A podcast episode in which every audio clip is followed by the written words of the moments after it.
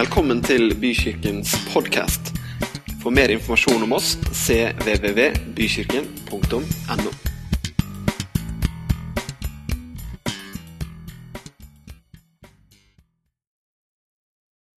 Kjære far, vi takker deg for eh, denne dagen. Takk at vi får være her i ditt nærvær og møte hverandre, og vi får høre ditt levende ord. Jeg ber Herre om at du skal eh, snakke til oss sånn som bare du kan gjøre. Du har ikke overbevisende ord, men du når hjertene våre.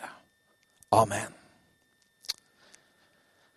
Den barmhjertige samaritan er en historie som alle kjenner.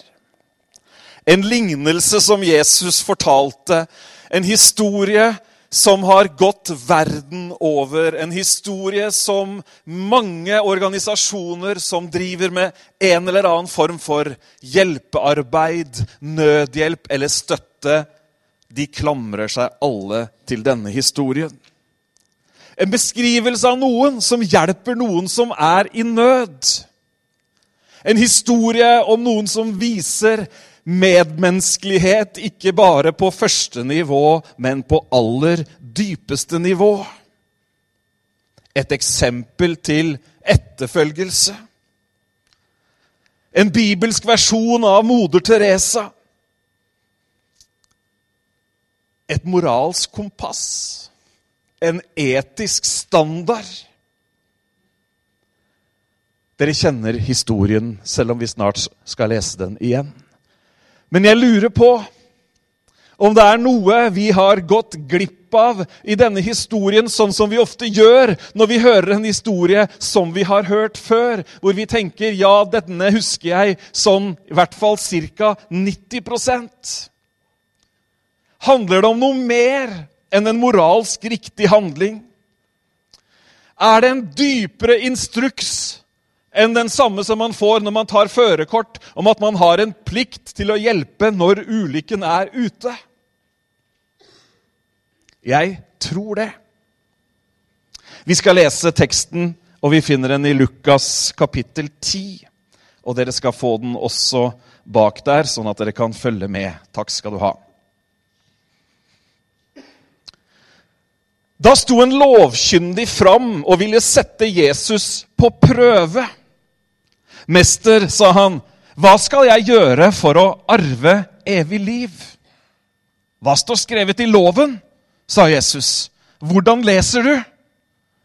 Han svarte, du skal elske Herren din Gud av hele ditt hjerte og av hele din sjel og av all din kraft og av all din forstand og din neste som deg selv. Da sa Jesus, 'Du svarte rett. Gjør det, så skal du leve.' Men han ville rettferdiggjøre seg selv. Da sa Jesus Nei, unnskyld. Han ville rettferdiggjøre eh, seg selv og spurte Jesus, 'Hvem er så min neste?' Jesus tok dette opp og sa, 'En mann var på vei fra Jerusalem ned til Jeriko.' Da falt han i hendene på røvere. De rev klærne av han, skamslo han og lot han ligge der halvdød. Nå traff det seg slik at en prest kom samme vei. Han så ham, men gikk utenom og forbi. Det samme gjorde en levitt. Han kom, så mannen og gikk rett forbi. Men en samaritan som var på reise, kom også dit hvor han lå, og da han fikk se ham, fikk han inderlig medfølelse med ham. Han gikk bort til han, helte olje og vin på sårene hans og forbandt dem. Så løftet han mannen opp på eselet sitt og tok han med til et herberge og pleiet han. Neste morgen tok han fram to denarer, ga dem til verten og sa, 'Sørg godt for han.' Og må du legge ut mer, skal jeg betale deg når jeg kommer tilbake.' Hvem av disse tre synes du nå viste seg som en neste for han som ble overfalt av røvere? Han svarte, 'Den som viste barmhjertighet mot han.' Da sa Jesus, 'Gå du og gjør som han.' Jeg skal ikke snakke ned nødhjelp. Jeg skal ikke snakke bort det å bry seg. Jeg skal bare stille spørsmålet om dette handler om noe helt annet enn å bry seg om noen som har et behov. Det er nemlig sånn at Denne teksten brukes ofte som jeg sa innledningsvis, av organisasjoner, av mennesker osv. som tror på det å hjelpe andre. Og det bare så det er sagt med en gang, det tror jeg også på. Bibelen er full av oppfordringer til å bry oss om de andre rundt oss. Men når Jesus forteller denne teksten, så er det et direkte svar på et spørsmål som en mann har. Og hva er spørsmålet? Hvordan skal jeg være snill mot de menneskene rundt meg? Nei, spørsmålet til denne her mannen som kunne sin bibel, var hva skal jeg gjøre for å arve evig liv? Sagt på en annen måte hvordan skal jeg bli frelst? Sagt på en tredje måte hvordan skal jeg ende opp i himmelen? Det er et viktig spørsmål. Hvordan havner vi der hvor vi faktisk ønsker å være? Og hvordan ser det nå egentlig ut? Hva skal vi gjøre for å arve det evige liv? Akkurat som alle de andre lignelsene, så er lignelsen om den barmhjertige samaritan er en historie om hvordan man kommer inn i Guds rike, om hvordan man blir frelst. Og Noen ganger så har man hørt lange tolkninger, lange utlegninger av denne historien med en masse symbolikk, og det betyr sikkert det og det og det. Men dere, dette er ganske enkelt en historie hvor Jesus bruker denne til å svare på et spørsmål hva skal jeg gjøre for å arve evig liv? Det er jo fast, fantastisk fascinerende, bare starten på historien, hvor vi får vite at denne lovlærde han gjør det han gjør. Han stiller det spørsmålet han gjør, for å sette Jesus på prøve. Så selve motivet her er jo liksom ikke engang kanskje han ønsker å, å arve Guds rike eller å bli frelst, men han ønsker å sjekke ut Jesus, hva er det egentlig du sier? Som lovlærd så hadde han peil. Som lovlærd så visste han hva det sto i Det gamle testamentet. Han kjente til de hundrevis av bud og forskrifter om sånn skal du gjøre, og sånn skal du gjøre, og sånn skal du gjøre. Og så summerer Jesus opp den kristne tro i disse to budene. Noen ganger så kan vi tenke som kristne også med lang fartstid. Åssen er det med det? Åssen er det med det? Har jeg det og det på plass? Har jeg, har jeg liksom missa der og fikk det en følge der osv.? Vet du hva? Troen, det Gud ønsker, oppsummeres i dette. Du skal elske Herren din Gud av hele ditt hjerte. Av hele din sjel, av all din forstand, av all din kraft. Og så er det et til som er like viktig. Du skal elske din neste som deg selv. Det er en misforstått lignelse, dette her ofte. Ofte så er det snakk om at vi skal ut på gatene og gjøre noe som en aktivitet. Men det er noe dypere. Det handler om frelse. Det handler om evighet. Hm. Denne skriftlærde Det er nesten morsomt at en så godt utdanna mann som han var stiller spørsmålet 'Hvem er min neste?' Har du tenkt på det noen gang? Neste betyr bare 'den som er i nærheten'. Neste betyr nabo. På engelsk så står det 'nabo' i mange oversettelser. Hvem er min neste? Hvem er egentlig mitt ansvar? Hvem er det jeg egentlig skal utføre noe som helst for? For å svare på spørsmålet og for å Gi han det han trenger. Så forteller Jesus denne historien. Det var en mann som var på vei fra Jerusalem ned til Jeriko. Ganske betydelig høydeforskjell mellom de to byene. Noen av dere som har vært her, noen av dere som sitter her, har kjørt veien ned dit. Ikke sant? Er det noen? Ja. Det er ganske bratt. Det er, eh, det er et område som eh, innbyr til skjul. Og det er klart at dette eh, ikke bare, altså Når Jesus fortalte om denne veien, så visste de umiddelbart alle de farene som denne veien inne, inneholdt. Jesus vil svare på spørsmålet. Hvordan skal jeg arve det evige liv? Hvordan skal jeg bli frelst? Så sier han, det kom en prest som så hva som hadde skjedd med mannen. Presten så mannen og gikk forbi. Det er mange som har tolka veldig mye av det. Kan det være at det var prestereglene hans? Kan det være, kan det være det ene og det andre? Det vet vi ikke, for denne mannen eksisterer jo ikke. Hallo, det er en historie. Er du med? Det er ikke en prest som har levd. Jesus fortalte en historie om en mann. Det samme med leviten. Vi kan tolke og vi kan si det ene og det andre. Men det var rett og slett for å vise at her er det to stykker som ser et behov, men som allikevel går rett forbi.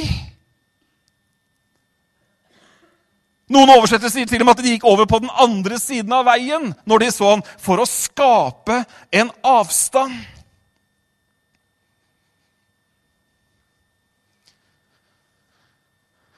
Så kommer det en annen. Og denne andre Det er ikke bare det at han ikke er prest og han er ikke levitt, men han er ikke jøde heller. Han er samaritan. Han tilhører fienden. Husker dere litt tidligere i evangeliene hvor Jesus blir kalt samaritan som et skjellsord? Han blir beskyldt for å være besatt, og så blir han, og så blir han kalt samaritan. Er du med på tanken? Altså, Vi snakker ikke om forholdet Norge-Sverige og en annen dårlig vits. Vi snakker om hat mellom folkegrupper. Vi snakker om noen som du på ingen måte ville ha noe med å gjøre. Og folk dro jo liksom rundt Samaria for å slippe å i det hele tatt komme i nærheten av disse folka. Og sannsynligheten for at kjærligheten var så veldig sterk fra samaritanerne mot jødene, det, det var det nok heller ikke i det hele tatt. Men det er en samaritan som kommer. Og hva gjør denne fienden med et menneske han ikke kjenner i det hele tatt? Det står at han fikk, da han så han, fikk han inderlig medfølelse med han. Det er stort sett bare to andre i Bibelen som som, hvor man bruker det samme ordet for medfølelse. Og det er når Jesus ser folket. Og det står at han fikk inderlig medfølelse med dem, for de var som sauer uten får. Matteus 9. Og så brukes det samme ordet om Guds hjerte når hans folk vender seg bort fra ham. Ordet som brukes om hva denne samaritan hva denne samaritanen opplevde, er et av de sterkeste ordene på gresk. Og det betyr egentlig en bevegelse av indre vitale organer. Det er som hjerter, lunger og nyrer og lever rystes på en så kraftig måte at han bare må gjøre noe.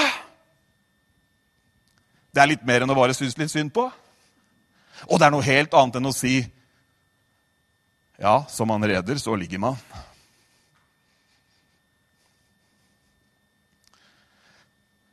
Men medfølelsen stopper ikke.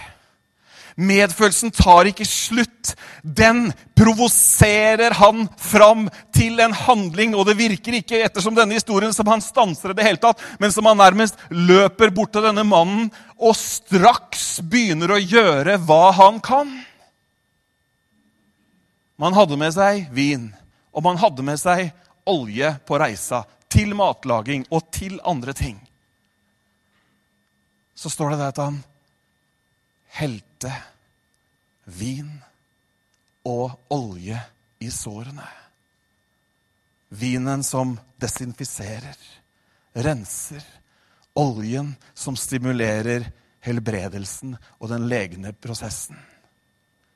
Og denne mannen han var forslått, han var nesten halvdød, han var naken. De hadde tatt det han hadde, de hadde tatt klærne. Sånn at denne samaritan, for å klare å forbinde disse sårene, så er det jo veldig sannsynlig at han faktisk drar av uh, deler av sine, sine egne klær for å forbinde disse sårene. Hvem er min neste? Hvordan skal vi være overfor vår neste? Vi snakker ikke om kristen moral. Vi snakker om hva må jeg gjøre for å bli frelst? Når han har forbindt sårene og fått gjort det han kan, han har ytt førstehjelp på stedet etter det som var mulig ut fra de forutsetningene han hadde, så tar han denne mannen, denne fremmeden Nei, han er ikke bare en fremmede. Han tar denne fienden sin opp på sitt eget dyr. Og så frakter han han til vertshuset. Og så slipper han han ikke bare av i døra på legevakta. Men det står at han ble hos han hele natten og pleide han. Litt av en medlidenhet. Så er det tydelig at han må videre. Men også når han må videre, så sørger han for at mannen blir tatt hånd om på best mulig måte i de nærmeste dagene. Han gir nemlig vertshuseieren to denarer. For, ti, for de to denarene Det ble funnet et sånn type plakat eller en plate fra den tiden her på et sånt sted. Og Ut fra det så har de beregna hva en sånn kostnad altså hva, hvor, man, hvor, lenge man kunne bo der for to denarer. Vet du hvor lenge han kunne bo der? To måneder. Altså han, betal, han forhåndsbetalte opphold på vertshuset for to måneder! Men han stoppa ikke der heller. For han sa Gjør alt det som trengs for å ta hånd om han. Og blir det mer enn dette, så veit du at jeg pleier å reise forbi her, og da skal jeg betale det seinere. Hmm. Medfølelse. Handling. Kjærlighet. Ikke bare litt kjærlighet, men en overveldende kjærlighet. Ikke bare det strengt tatt nødvendige. Ikke klar deg selv, nå er du i nærheten av et vertshus. Prøv å slepe deg inn. Det kan hende du får hjelp. Nei, han gjorde mer enn det som faktisk trengs. Hm.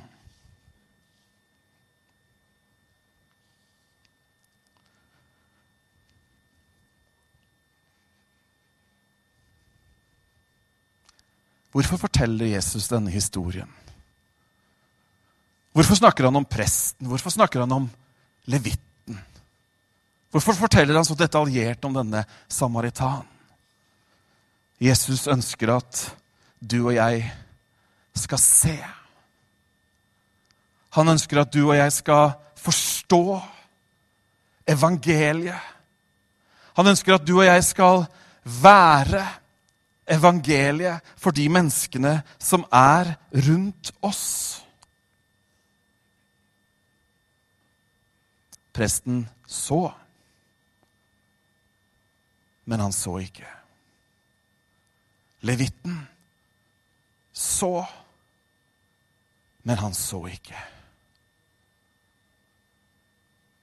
Vi må ikke være sånne som ser uten å se.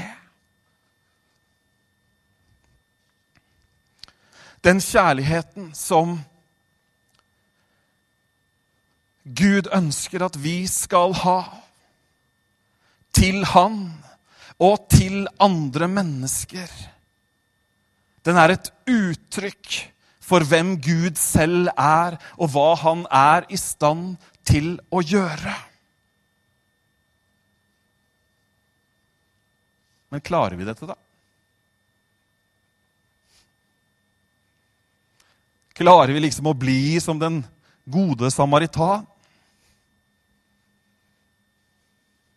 Hvem er vi mest hvem, Jeg vet ikke, Du kan hende du kjenner deg mest igjen i den gode, den barmhjertige samaritan. Eller kanskje du er mer sånn levitt.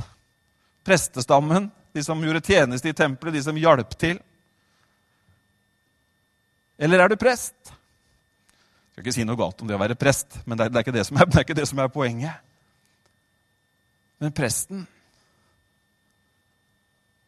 Han kjente loven. Han kjente budene. Loven sa 'du skal elske de neste'. og hate din fiende.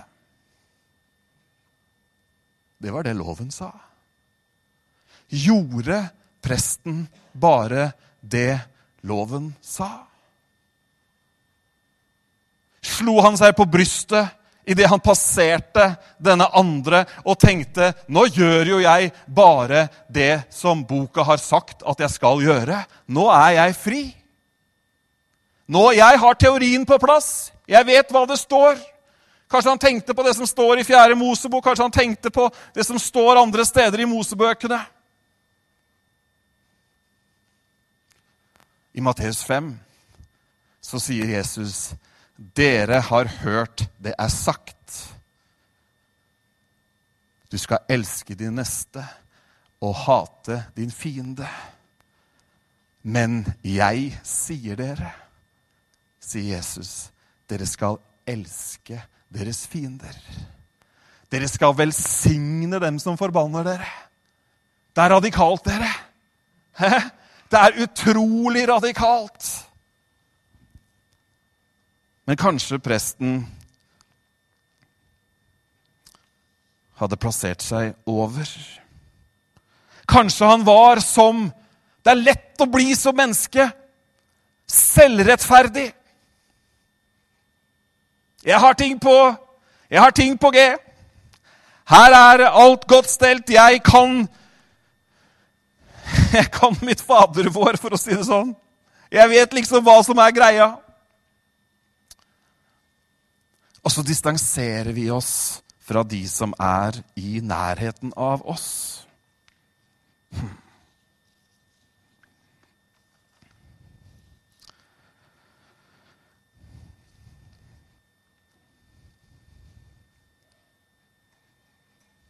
Jesus kom for å søke og frelse det som var fortapt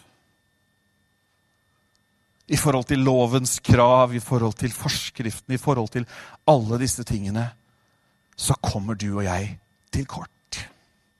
Jeg tror ikke vi trenger å ha lukte øyne og håndsopprekning for å finne ut om det er noen her i dette rommet som føler at de kommer til kort. Jeg kjenner at jeg kommer til kort. Jeg kjenner at jeg kommer til kort når eh, han sier du skal elske Herren din Gud av hele ditt hjerte, av hele din sjel, av all din forstand, av all din kraft. Når jeg opp? Gjør du? Når han sier du skal elske din neste som deg selv Hvis du hadde vært han som hadde ligget der forslått, overfalt Kanskje du føler deg forslått og overfalt, om enn på en annen måte. Den kjærligheten du helst vil gi deg sjøl da, det er å elske som seg selv. Det var det denne mannen fra fiendeland gjorde. Det var det denne som de helst ikke ville snakke om. Legg merke til at når den lovlærde skal svare, så tar han ikke engang ordet 'samaritan' i, sitt, i sin munn. Han sier ikke det var, det, var, det var, han fra Samaria. Han viste kjærlighet til det neste. Men han sier 'han som viste barmhjertighet'. Skjønner du, skjønner du hvilken avstand? Vi kommer til kort. Vi trenger hjelp. Vi trenger tilgivelse. Vi trenger Jesus. Vi trenger å møte Jesus. Hvert menneske trenger å møte Jesus i vår tilkortkommenhet, for vi har bomma. Vi fikser ikke dette. Vi fikser ikke veien til frelse. Hva skal du gjøre for å bli frelst? Hva skal du gjøre for å arve det evige liv? Jo, du skal elske Herren din Gud av hele ditt hjerte og alt mulig, og de neste som deg selv. Men jeg vet ikke om jeg klarer det. Men jeg vet om én som har oppfylt alle lovens krav. Jeg vet om én som faktisk har kommet ned for å hjelpe meg, sånn at jeg kan få møte den kjærligheten som Gud har til meg. Sånn at den kan fylle mitt hjerte, sånn at jeg kan begynne å elske Gud tilbake. Visste du at det var han som elska deg først? Du tenker at ja, men den dagen da bestemte jeg meg for at jeg skal elske Gud av hele mitt hjerte, av all min stand og kraft og sjel og hele pakka. Han elska deg før det. Han begynte noe i deg og meg. Kan hende du føler at du er på ulikt sted i forhold til hvilke sår som fortsatt gjør vondt, hvordan det ene og hvordan det andre er.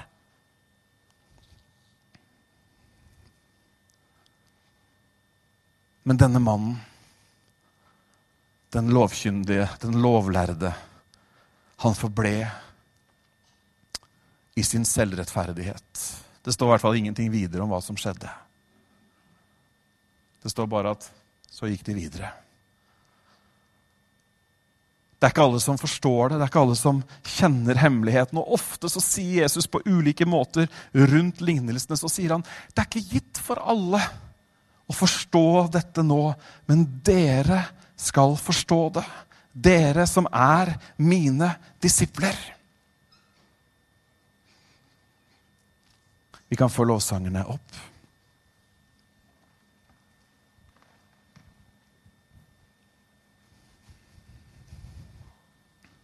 At vi ikke når opp. At ikke vi føler vi klarer dette, at ikke vi føler vi liksom kan huke av på alle disse tingene, det kan jo høres ut som en dårlig beskjed. Kan jo høres ut som eh, du verden, det var veldig, det var veldig kjedelig. Men de gode nyhetene er at det kom en som tok vår synd, våre bommerter, som tok våre mangler, det at vi ikke klarte, som tok vår våre sår, han tok vår skam, han tok alt det vonde. Han kom akkurat som en barmhjertig samaritan. Og så heller han vin og olje i sårene. Så renser han deg og meg ved sitt dyre blod. Så heller han olje i våre sår, sånn at vi blir lekt. Og så betaler han prisen for at vi skal komme oss helt hjem. Fantastisk. Skal vi reise oss opp?